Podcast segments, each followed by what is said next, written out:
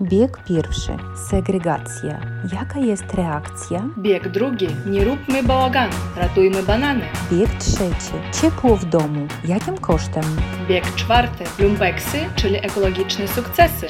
Hej Kasiu, jak tam? Dzisiaj twoja kolej opowiadać. To powiem, że znów stęskniłam się za tobą, ponieważ cały weekend no też nie chciałam cię odrywać od koleżanki, ponieważ wiem, że ona była u ciebie w gościach. Ale co do mnie, to ja obejrzałam polski film, który nazywa się Zimna wojna.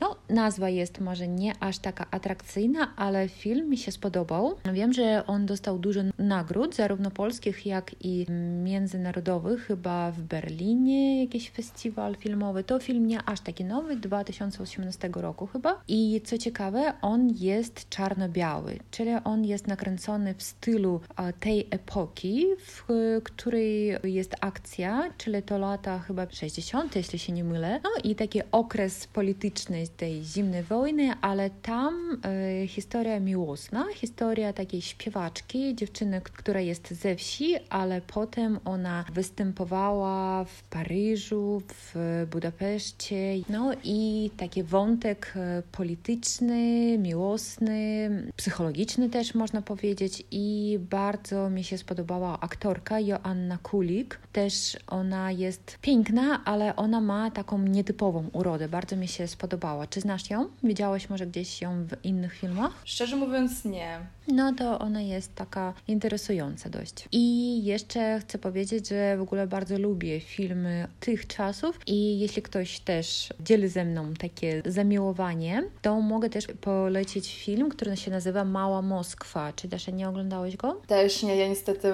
mało filmów polskich oglądałam, ale muszę to nadrobić. Tak samo jak z piosenkami. Interesujący taki fakt, że zagrała tam nasza aktorka Svetlana Chodczynkowa. Serio? I ona w Rosji jest mega popularna, ale Polacy też ją znają. Uwielbiam. To film już też nie jest nowy, 2008 rok, ale polecam obejrzeć i no trochę dowiedzieć się o historii. Nie wiem, czy to prawda, czy nie, bo oczywiście historia Związku Radzieckiego jest tam pokazywana nie z najlepszej strony, ale film jest ciekawy, to warto obejrzenia.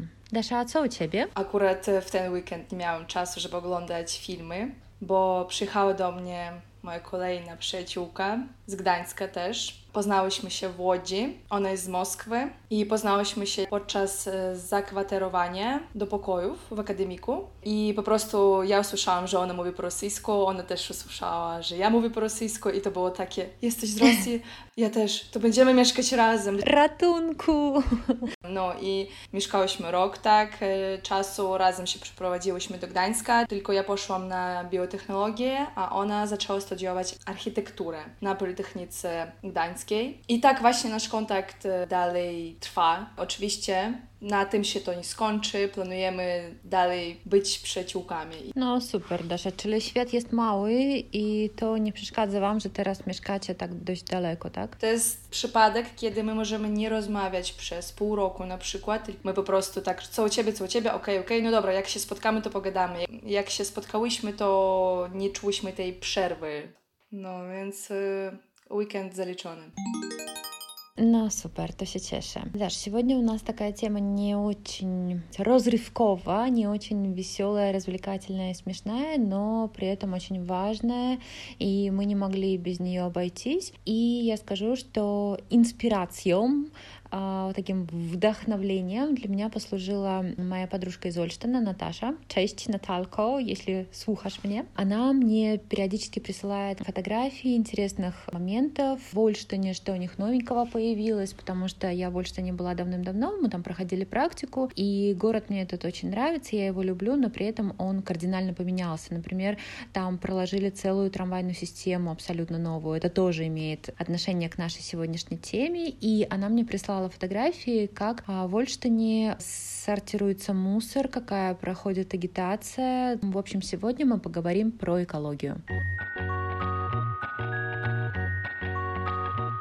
Даш, Экология. Такое слово сейчас очень на слуху. Не, не хочу говорить, что модное, но это слово постоянно мы слышим. Даш, что для тебя экология? Как ты понимаешь вообще это понятие? Przede wszystkim dla mnie, mieszkając w Polsce, Прежде всего для меня, учитывая то, что я живу в Польше, это сегрегация отпадов, śmieci сортировка отходов и мусора. Когда ты приехала просто учиться в Лодзь, и скажи, пожалуйста, вот за те семь лет, которые ты живешь в Польше, это как-то поменялось, или ты сразу в Лодзе начала этим заниматься? То есть, ну, понятно, ты приехала из Калининграда, у нас такого, к сожалению, на тот момент еще не было. И как ты вообще столкнулась впервые э, с тем, что мусорки какие-то стоят разных цветов? Насколько легко тебе дался этот переход вообще? В Лодзе я не сортировала мусор, э, не сегреговала śmieci. Думаю, что тогда уже были эти поимники, контейнеры, но, наверное, я не обращала на это внимания, и для меня, может быть, это не было таким важным аспектом в жизни, как сейчас. Dla mnie to nie było czymś takim wyjątkowo ważnym, jak teraz. No и myślę, że w akademiku to troszkę inaczej wygląda, да? В общежитии, я думаю, все равно это немножечко выглядит иначе, чем в квартире, когда ты живешь. Из того, что я помню, в кухне у нас, э, в общей кухне на, на коридажу, я не помню, чтобы там были эти контейнеры, но когда я переехала в Гданьск, kiedy się przeprowadziłem do Gdańska, to в общаге, в академику, было правило, что нужно сегреговать отпады. Мне это давалось очень тяжело, потому что я все привыкла до одного вора, до одного мешка все зрzucać, закидывать и все. Это так званые teraz zmieszane odpady komunalne. Перемешка всего мусора. И бумага, и пластик, все вместе. Даш, скажи, пожалуйста, а как у тебя это сейчас выглядит на практике? То есть у тебя дома уже стоит несколько мусорок или как? Вот, например, а, в день у тебя там, не знаю, исписанные листы бумаги, баночка от йогурта, там какая-то упаковка, банка от шампуня. То есть как это все выглядит? Куда ты это все деваешь? В нашем мешканию, в нашей квартире стоит э, торба папирова на текстура и папер, бумажный пакет для картона и бумаги. Он стоит просто на кухне. Под злевом, под раковиной стоит поемник с биоотпадами. То, на przykład, kości. Ości. Да, это два разных слова. Кости — это, например, zwierzęce, курицы и так далее. А ощи — это кости рыб. Да, поляки заморочились и придумали отдельное слово для рыбьих косточек. Они называются ощи, а обычные там от курицы, например, это кости, не перепутайте. А если это косточки, допустим, от вишни, от ягод от каких-то, это будут у нас... Пестки. Да, так что теперь вы знаете три вида косточек. Помимо кости, ощи, кроме костей, это также рештки jedzenia, остатки еды. Еще под столешницей у нас находится еще два вида пакетов. Ну, пакетов, потому что иметь четыре поемников, направда, ciężko. Иметь столько контейнеров, ну, тяжело. И это пакет для пластика. И последний, но не по важности, смешанные отпады коммунальные. Например, знаете, что туда можно бросить? Пушка по помидорах. Жестяную банку после помидоров. Но если мы говорим про стекло, бутылки, банки, сойки, бутельки, это все у нас стоит в пакете. Конечно, выглядит это не сбыт аттракционе, не выглядит это очень привлекательно, но мы очень реально стараемся сегреговать śmieci. Возле дома у нас стоят э, эти же поемники. Каждый из них обозначен своим цветом. И написано отпады смешаны, шкло, папер, ну и так далее. Ну и все, и мы туда это все выкидываем поочередно. Даш, скажи, пожалуйста, а если, например, вдруг тебе лень это все выкидывать, и ты выкинула, например, бутылки стеклянные в контейнер из-под картона, не знаю, что будет в этой ситуации? Говорят, что с 2020 года вроде как полиция начала ходить и справdzać, проверять, все ли вы правильно сегрегуете. Я думаю, что они muszą вас зłapać на gorącym uczynku. Во время преступления.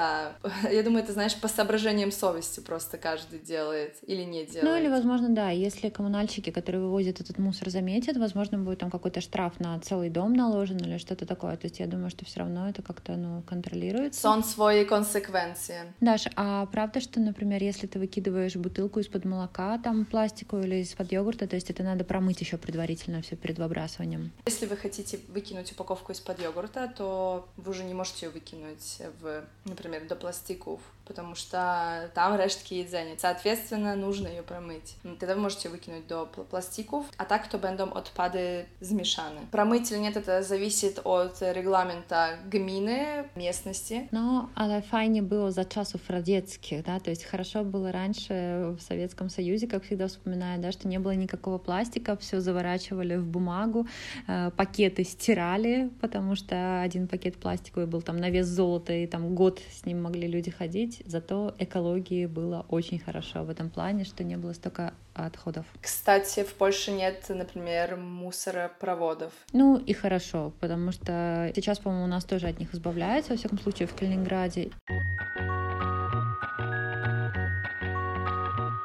Если говорить про моих знакомых, то они все сортируют э, мусор. Эта проблема есть. Конечно, всех призывают все-таки сегреговать. Даже это получается еще не в такой степени, как в Скандинавии, да? Это больше нет, проблем, конечно, такой нет. вопрос как бы воспитания вот этой осознанности у людей, да, и введения вот этих новых реалий, потому что Да, еще да, не да, все да. не все готовы. А Чтобы было меньше от- отходов, я думаю, что нужно меньше покупать. Сейчас вообще вот эта тенденция к минимализму, она ну, повсеместна, да, то есть э, ogólnie światowa тенденция. И я думаю, что когда мы осознанно покупаем, меньше покупаем, меньше тратим денег, и, соответственно, мы меньше э, производим вот этих отходов, да, то есть вот это осознанное потребление, это, я думаю, что идеология, которая к нам, к сожалению, только начинает приходить и внедряться в умы общества. В Польше, я думаю, что она уже более активна.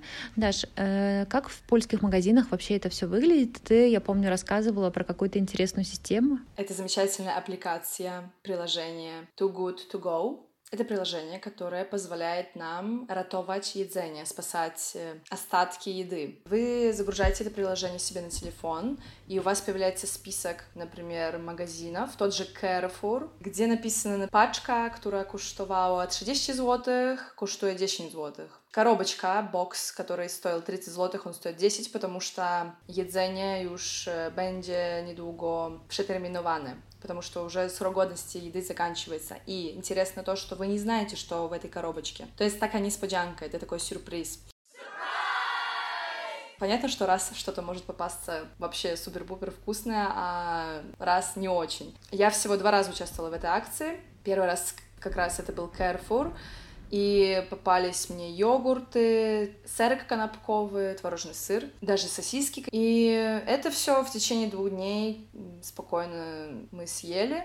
Я еще не еще, я не переживаю, если, например, срок годности истекает завтра, но я послезавтра это еще могу съесть, если оно закрыто. Ну да, все равно всегда это идет с запасом, да. Конечно. И если это хранится в холодильнике, то почему нет? Даш, а еще раз скажи, э, это стоит 10 злотых, эта коробочка? Это всегда фиксированная цена? Э, Нет, вот это разная цена, зависит от э, великости пуделка, Ага. зависит от размера коробочки самой. В Старбаксе мы тоже это пафосное какое заведение считается немножечко, то там э, на место 40 злотых или до 35 мы заплатили 13 злотых, и там два кавалки часто, и, и булочка, еще и канапка была, был бутерброд. Классно, можно с собой всегда на работу взять. Понятно, если вы, если это Starbucks, то вы должны понимать, что это, скорее всего, что-то сладкое будет. Если это пекарня грузинская, очень хочу, кстати, как-нибудь уротовать там jedzenie, спасти там еду. Грех не спасти ее. Конечно, да. Но, а, ну и там просто фишка в том, что этих коробочек может быть, например, три или пять в день, и вы должны успеть купить коробочку и прийти забрать ее в определенное время. Желающих довольно много, да? Да, да, нужно половать, охотиться.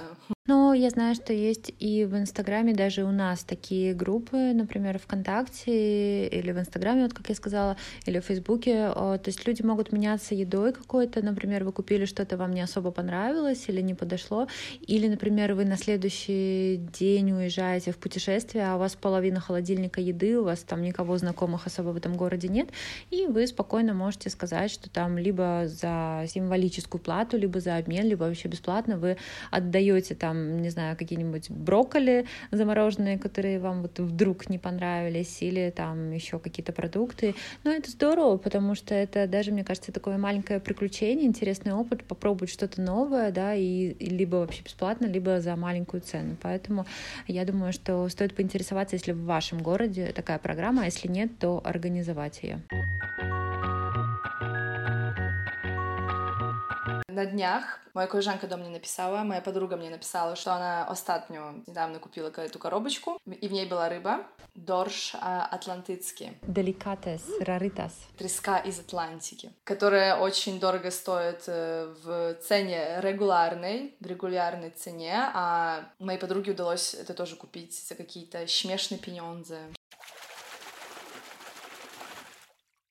Польских магазинах вы часто можете увидеть э, такие объявления. «Уратуй смутного банана, не заставя меня самого», то есть чтобы вы, э, если видите одинокий банан, то обязательно взяли бы его с собой, потому что, ну, понятно, что они обычно остаются такие несчастные, коричневые, их никто не хочет брать, но, кстати, бананы, которые уже так немножко покрылись пятнами, почернели, они более сладкие, и из них получается самая вкусная выпечка, поэтому э, смело можете их брать, спасать, и они станут вашими друзьями. Спасибо, Катя, за совет, за порады, потому что у меня как раз лежит 5 бананов. Это зажут до мне, претензии ко мне, понимаю, что зачем купила столько еды. Ну, знаете, просто приехала подруга, и мне хотелось... Угостить ее бананами. żeby ona miała coś na wybór, потому что я хотела гофры сделать, как, как обычно что-нибудь, а в итоге все пошло по другому плану. И вообще есть такие люди, которые любят куповать на запас, люди, которые любят покупать что-то с запасом. О, это не я, у нас всегда пустой холодильник. Ну, я от часу до часу. Я считаю, что с одной стороны, это хорошо, но если это какая-нибудь крупа... Ну да, то, что долго хранится. Макарон, да. каша гречана, овсянка. Но если это помидоры, огурки, паприка, бананы, trzeba wiedzieć, co ty chcesz z tym zrobić od razu. Policzyć przed kupnem, tak, ile sztuk да, а не так, что 10 помидоров, потому что акция в Бедронце. Да, потом решим, что делать, а в итоге выкидываем. Это, кстати, тоже была проблема, когда пандемия началась, то люди испугались, начали покупать ну, папер туалетовый то своим другом, ну что, понятно, туалетная бумага, отдельная тема, а очень много людей покупало. Макароны. У нас только что закончились макароны, которые покупались в марте 2020 года. Не, ну тут именно покупали скоропортящиеся продукты. После этого реально можно было увидеть на помойках очень большое скопление выброшенной еды.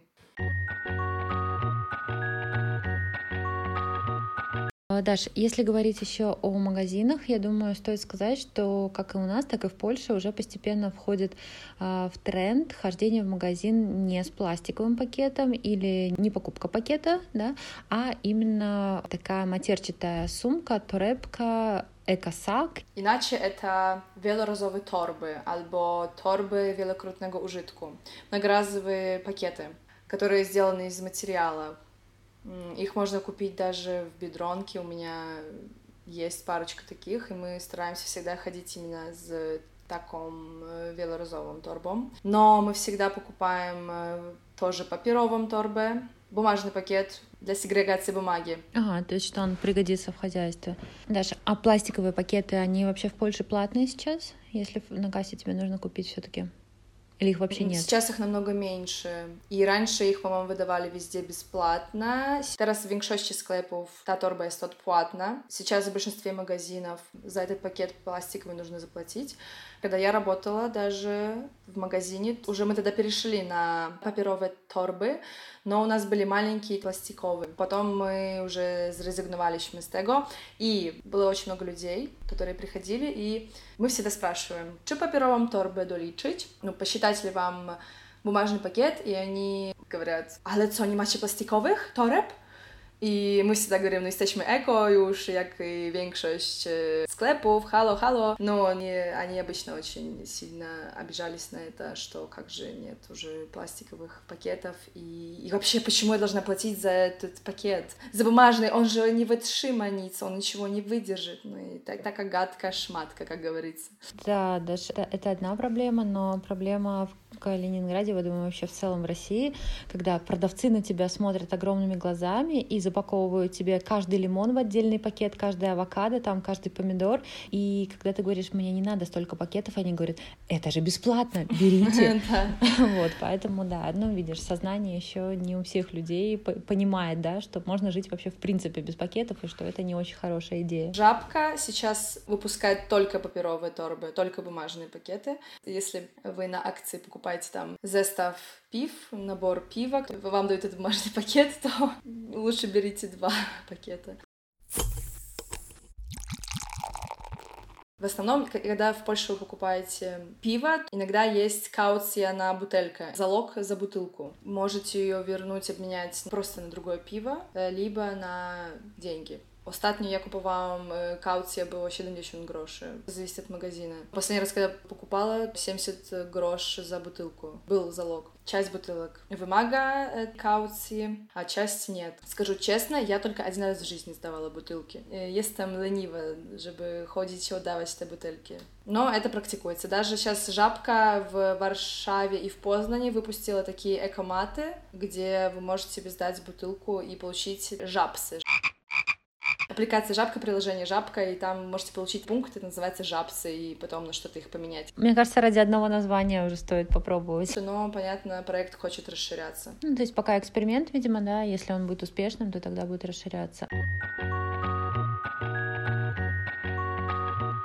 Даша, скажи, пожалуйста, а як wygląda sytuacja в кавярнях, реставрациях с штучцами пластиковыми, да? То есть есть ли еще до сих пор пластиковые приборы или есть какая-то альтернатива?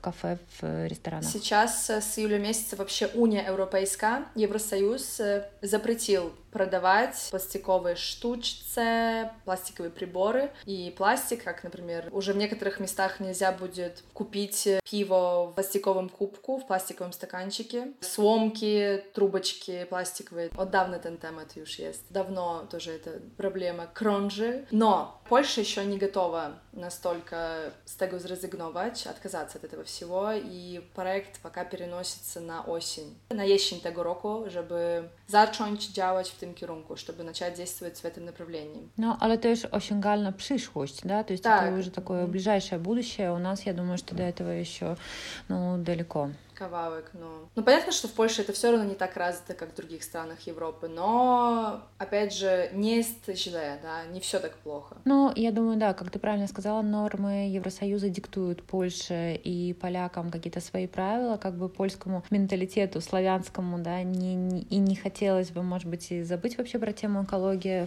уже все-таки поляки должны прислушиваться к этим правилам и заботиться об экологии того же самого Балтийского моря, да, то есть это же море которая находится там в Германии, в Дании, в Скандинавии везде, и у нас тоже кусочек, но все, к сожалению, относятся не так бережно, как угу. более такие продвинутые экологические страны, а море общее у нас одно.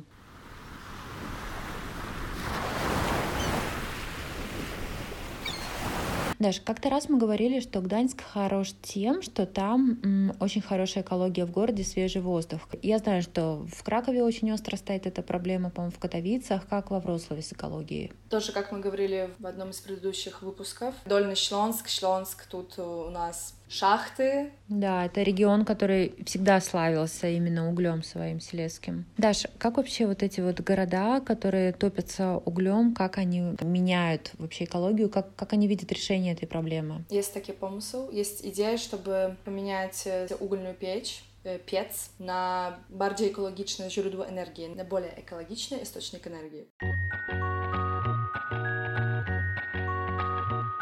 Skoro już mówimy o domach, o energii, o ogrzewaniu, to wiemy, że w Europie to jest strasznie drogo. Dasz, ja pamiętam, когда я была по обмену в Бельгии. Мы жили в семье, в собственном доме. Это были достаточно богатые люди, они работали в банке, и меня, я помню, поразила вот эта жуткая экономия, да, то есть как мы привыкли в России, что зимой мы все ходим в футболках, в шортах дома, у кого центральное отопление, так вообще открывают окно на распашку, потому что жутко жарко, а в Бельгии, я помню, мы ночевали, и ночью я на градуснике увидела, температура была 12 градусов в квартире.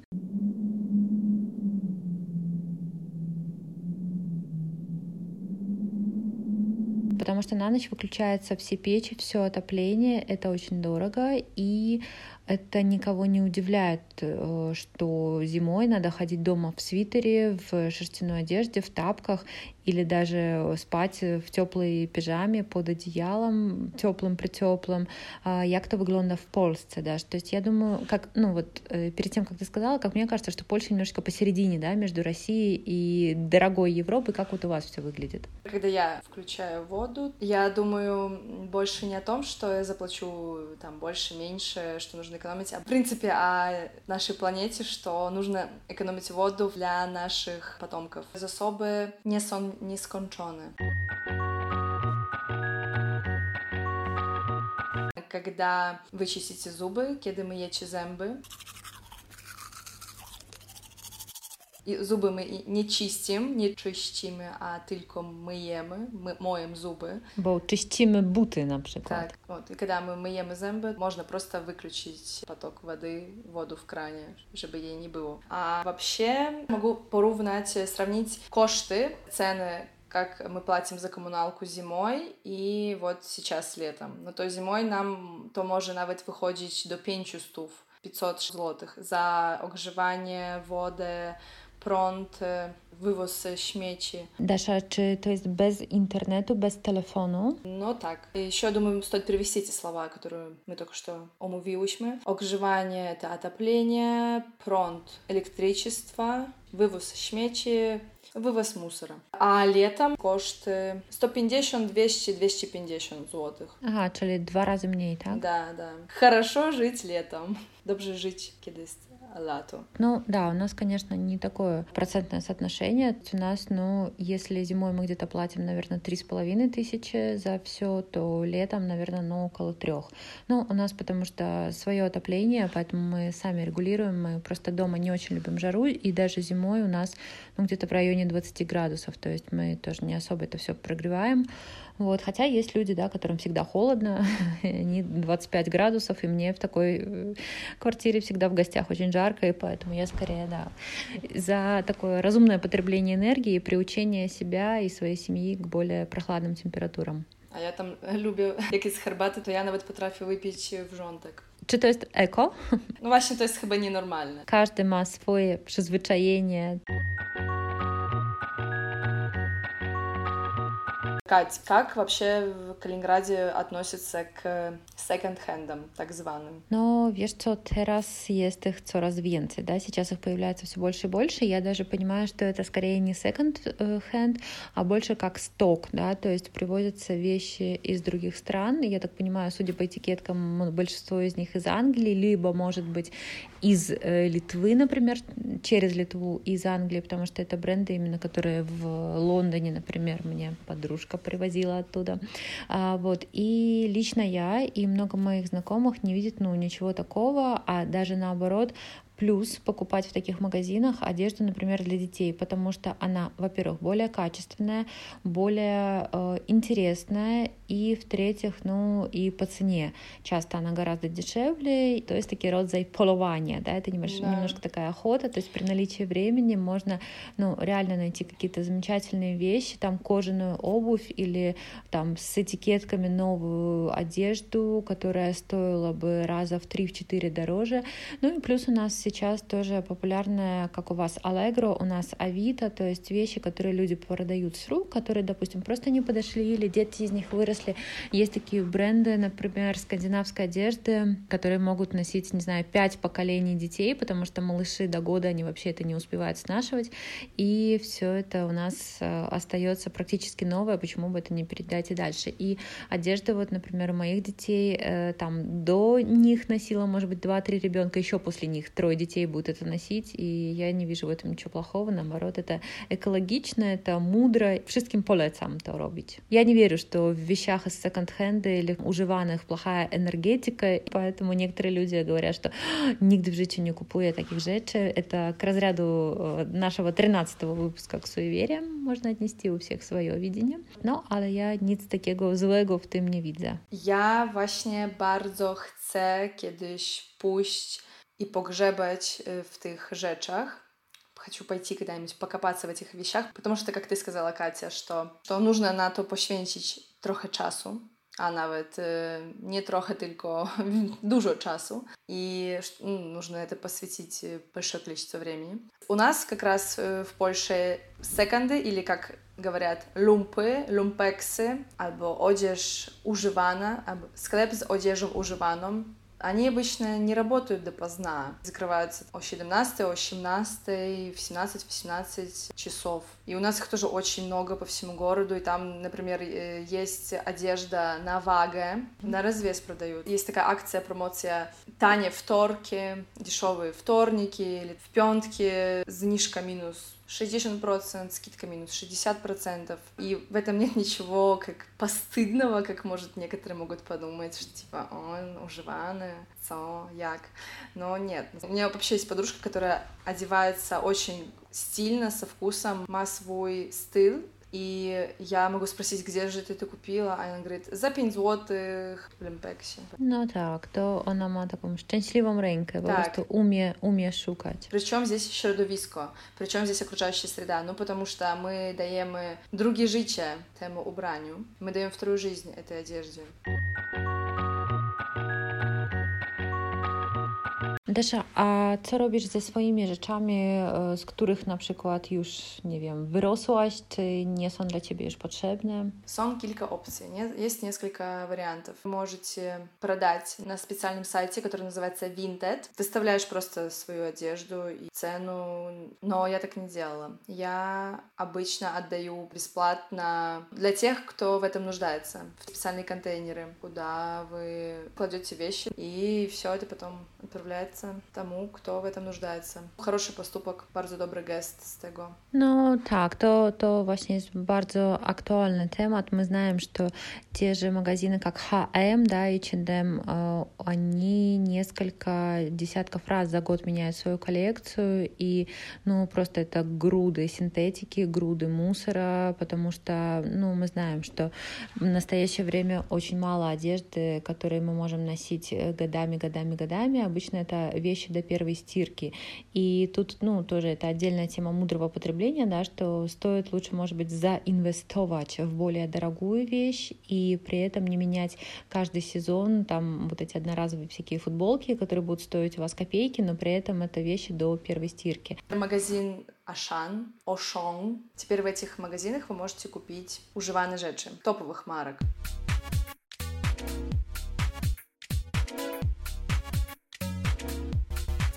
И цены начинаются от 7 до 35 злотых. Очень доступно. Ага, ну то есть это примерно как TK Maxx, да? То есть немножечко похож, то, что это мультибрендовый, да, будет такой магазин? Это что-то похожее, как TK Maxx. Кстати, очень клевый магазин. Ой, да, скучаю. Там брендовые вещи, которые уже поза сезоном, отошли от своего сезона за очень демократичную цену. У нас в Калининграде появился тоже магазин «Фамилия». Это то же самое, что TK Maxx. У них даже на чеке, по-моему, написано TK Maxx.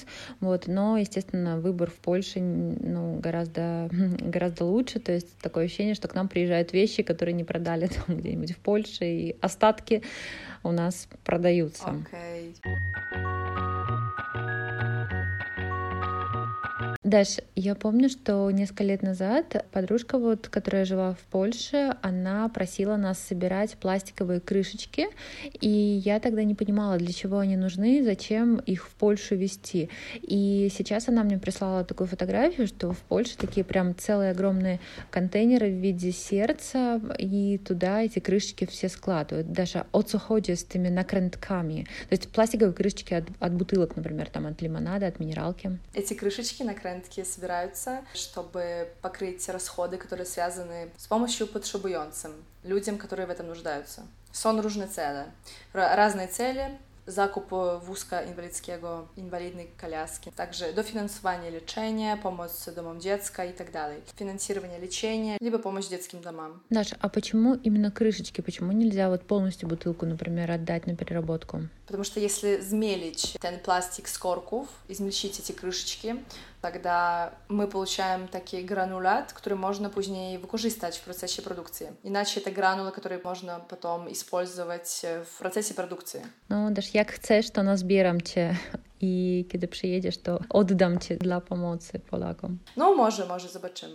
Но мы тоже на работе собираем. Даже я думаю, что только стоит сказать пару слов, что в Польше сейчас тоже, к счастью, как и у нас, ведется образование детей, да, начиная с детского сада, с младенчества, просто а, по поводу экологических вопросов, да, то есть чтобы они уже с детства знали, что такое сегрегация мусоров, уже появляются мультики, какие-то программы, игры, в которых э, нужно проявить свое экологическое мышление и смекалку. То есть э, в нашем детстве, к сожалению, такого еще не было, сейчас это повсеместно. Да, ну и сейчас тоже как с бадань выника, с исследований, получается, первое, о чем думают поляки, зачем нам нужно беречь э, окружающую среду, это связано с нашими потомками с нашим потомством, чтобы наши дети, внуки жили свежим воздухом, с питьевой водой, да, и ели натуральную еду и носили одежду из натуральных тканей, потому что сейчас уже ведутся разговоры о том, что, допустим,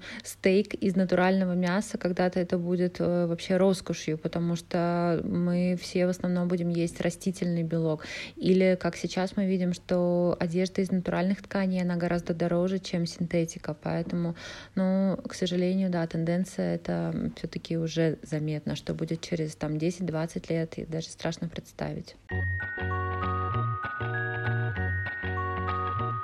No, myślę, że skończymy takim trochę риторичным pytaniem, да, немножечко у нас такой открытый финал, потому что каждый, я думаю, что задумается, может быть, об этой проблеме еще раз i bądźcie eko, bądźcie bio, ale też без przesady, ну, потому что мы часто знаем, что маркетологи пользуются вот этими всякими наклеечками, значками эко-био, и просто не, непонятно, почему раза в три повышается цена товара, хотя он такой же. Кстати, по поводу этого, лайфхак, нужно внимательно смотреть на этикетку. Главное, чтобы там был сертификат униевропейский. То такие зеленый листик. Как сертификат Евросоюза о том, что это реально эко. В своем инстаграме мы вам расскажем еще много интересных вещей, которые касаются экологии, какие-то лайфхаки и вещи, на которые стоит обратить внимание в Польше. Приходите к нам туда, Польский в бегу. Czekamy. И ждем от вас обратной связи и такой же активности, которая сейчас. До usłyszenia za tydzień. Na razie. Na razie, pa!